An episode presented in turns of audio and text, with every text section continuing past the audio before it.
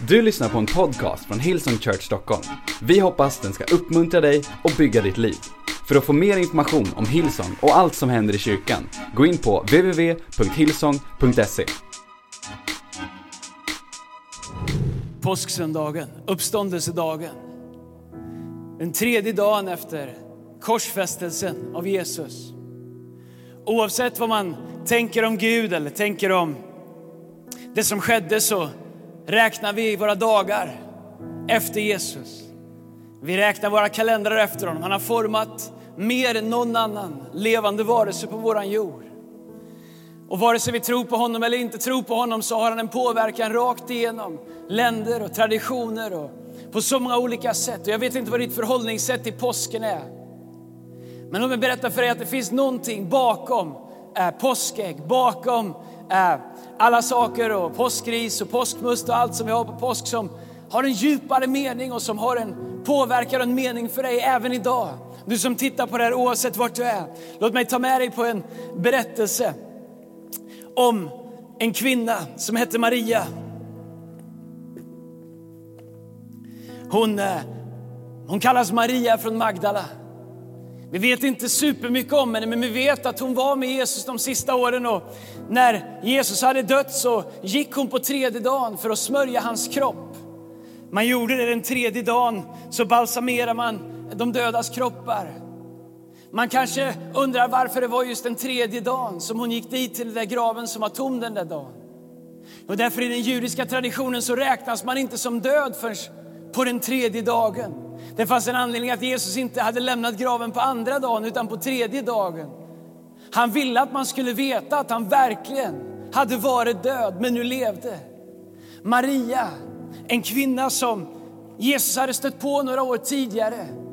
Hon var i dåligt skick, vi vet inte mycket om henne, men hon är den första som kommer till graven den här söndagsmorgonen för att smörja och balsamera hans kropp.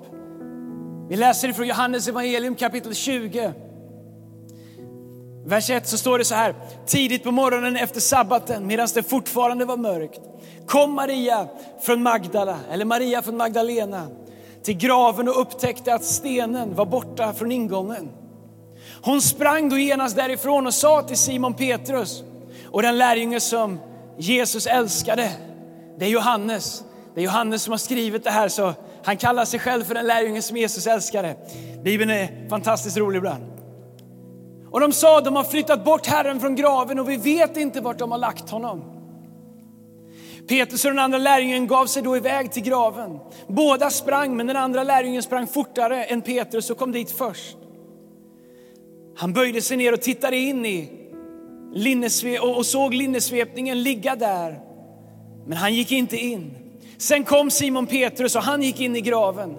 Han såg också linnesvepningen som låg där och dessutom den duk som hade täckt Jesu huvud. Den låg inte tillsammans med linnesvepningen utan var ihoprullad och låg för sig. Då gick också den andra lärjungen in och han som hade kommit först till graven. Och han såg och trodde, för ännu hade de inte förstått av skriften att Jesus måste uppstå från de döda. Lärjungarna gick sedan hem till sig. Men Maria stod och grät utanför graven och medan hon grät och lutade hon sig in. Då fick hon se två änglar, två vitklädda änglar sitta där Jesu kropp hade legat, en vid huvudändan och en vid fotändan. Änglarna frågade henne, varför gråter du kvinna? Hon svarade, de har flyttat bort min herre och nu vet jag inte vart de har lagt honom. Och när hon hade sagt detta så vände hon sig om och fick se Jesus stå där men förstod inte att det var han. Jesus frågar henne, varför gråter du kvinna? Vem letar du efter? Men hon trodde att det var trädgårdsmästaren och därför svarade hon, om det är du som har burit bort honom så tala om för mig vart du har lagt honom. Så att jag kan hämta honom. Då sa Jesus till henne, Maria. Och genast vände hon sig mot honom och sa, Rabuni, det hebreiska och betyder mästare. Maria får möta Jesus vid graven. Jag tycker att det är spännande att det är Maria som får möta Jesus. Det är inte Maria, Jesu moder, utan det här är Maria ifrån Magdala.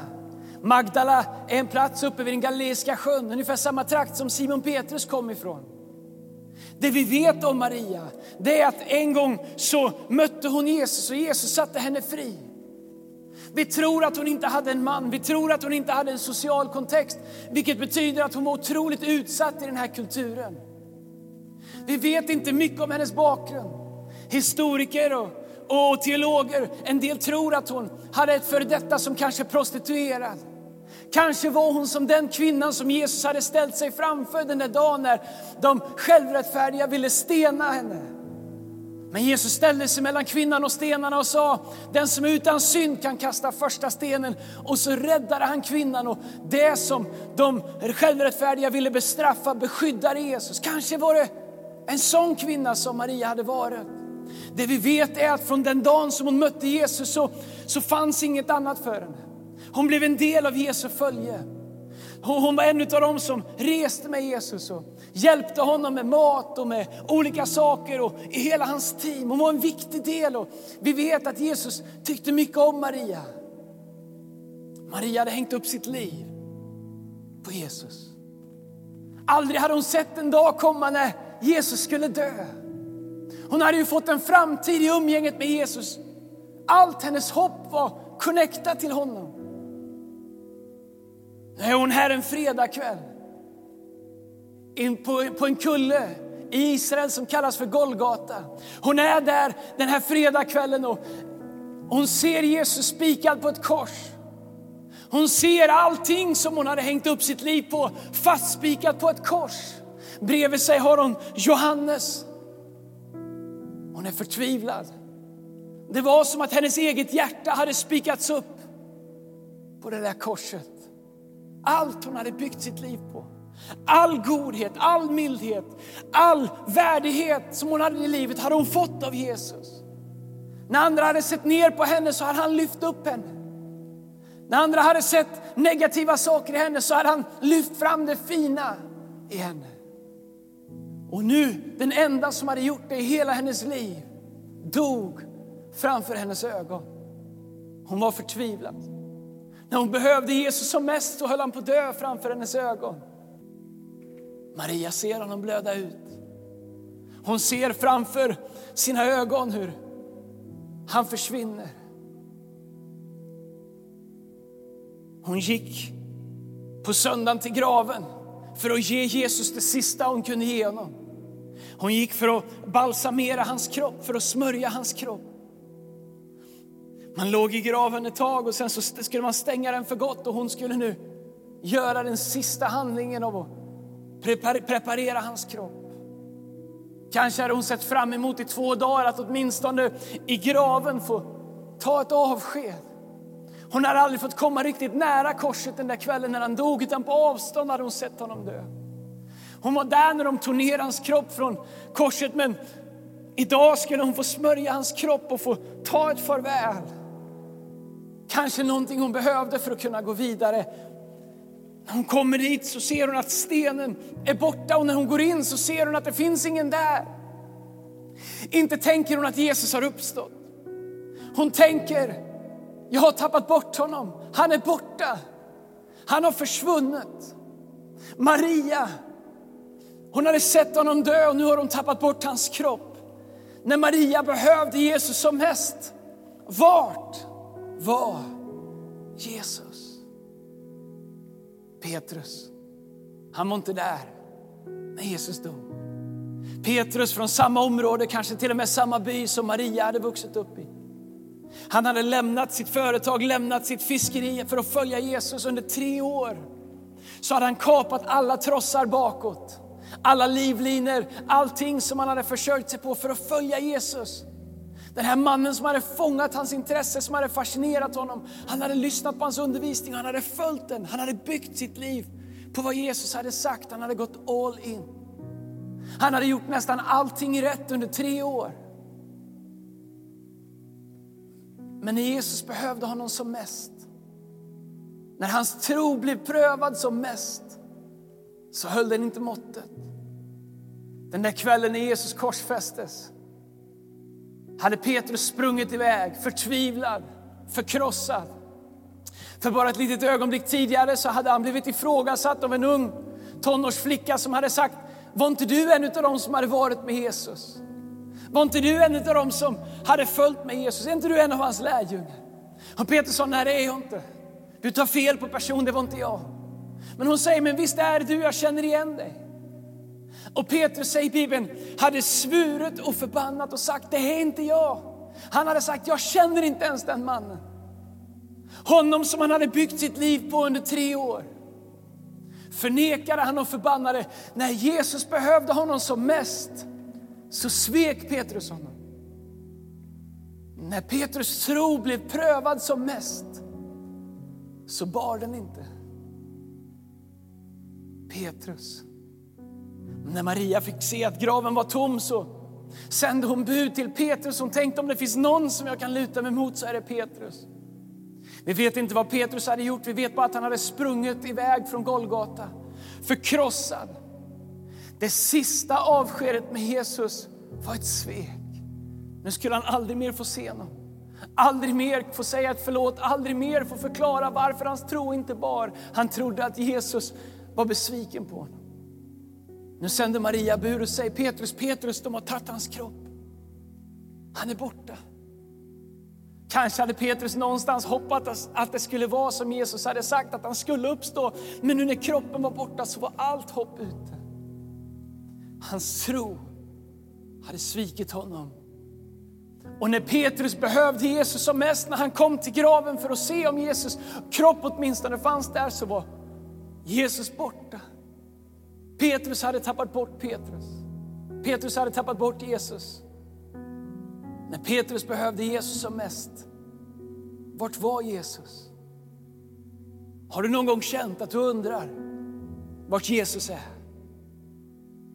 Har du någon gång känt, du som har en tro på Gud, när du går igenom saker i livet, har du någon gång undrat vart är Gud?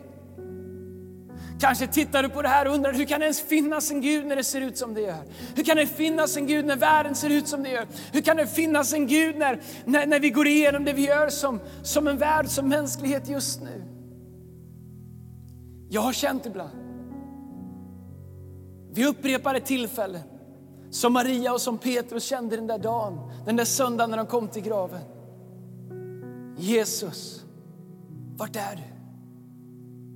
Jag har känt det när jag, när jag ville att min tro skulle bära, när jag sa att den skulle vara stark, när jag hade deklarerat att om en alla andra lämnar, om en andra, andra vacklar så kommer jag stå stark. Men när min tro prövades så vacklar även min tro. Jag har ibland ropat ut till Gud i natten och frågat som Maria och som Petrus gjorde. Vart är Jesus? Petrus gick hem. Han lämnade graven.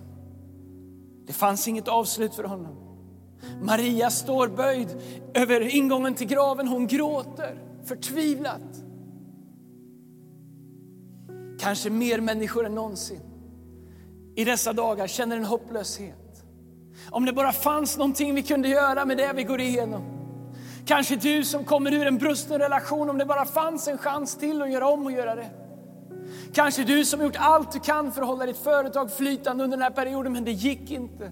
Bördan du bar av dina anställda, det hjälpte inte. Det gick inte. Du bad till Gud, men du fick inte det du bad om. Kanske du som tittar på det här känner som Maria, böjd över det som ser ut som slutet. Men det jag älskar med Gud, det är att ibland när vi behöver honom som mest, Även om det känns som vi inte hittar honom så är han inte långt borta. Även när livet går sönder, i sjukdomsbudet, när relationer eh, slår sina klor i oss och när rädslan fångar oss. Jesus var inte borta, han var uppstånden. Det var inte över, det var fullbordat. De trodde att Jesus var borta, men han var uppstånden. De trodde att det var över, men det var fullbordat. Du förstår, Jesus kanske inte är där du söker honom, men han är där du behöver honom. Helt plötsligt när Maria står och gråter, så säger någon Maria, varför gråter du? Ibland har jag förmånen att jobba med själavård. och samtal. Och jag tänker, vad är det för fråga till någon som har förlorat allt? Men den som frågar är inte någon som bara undrar, utan någon som har en väg framåt.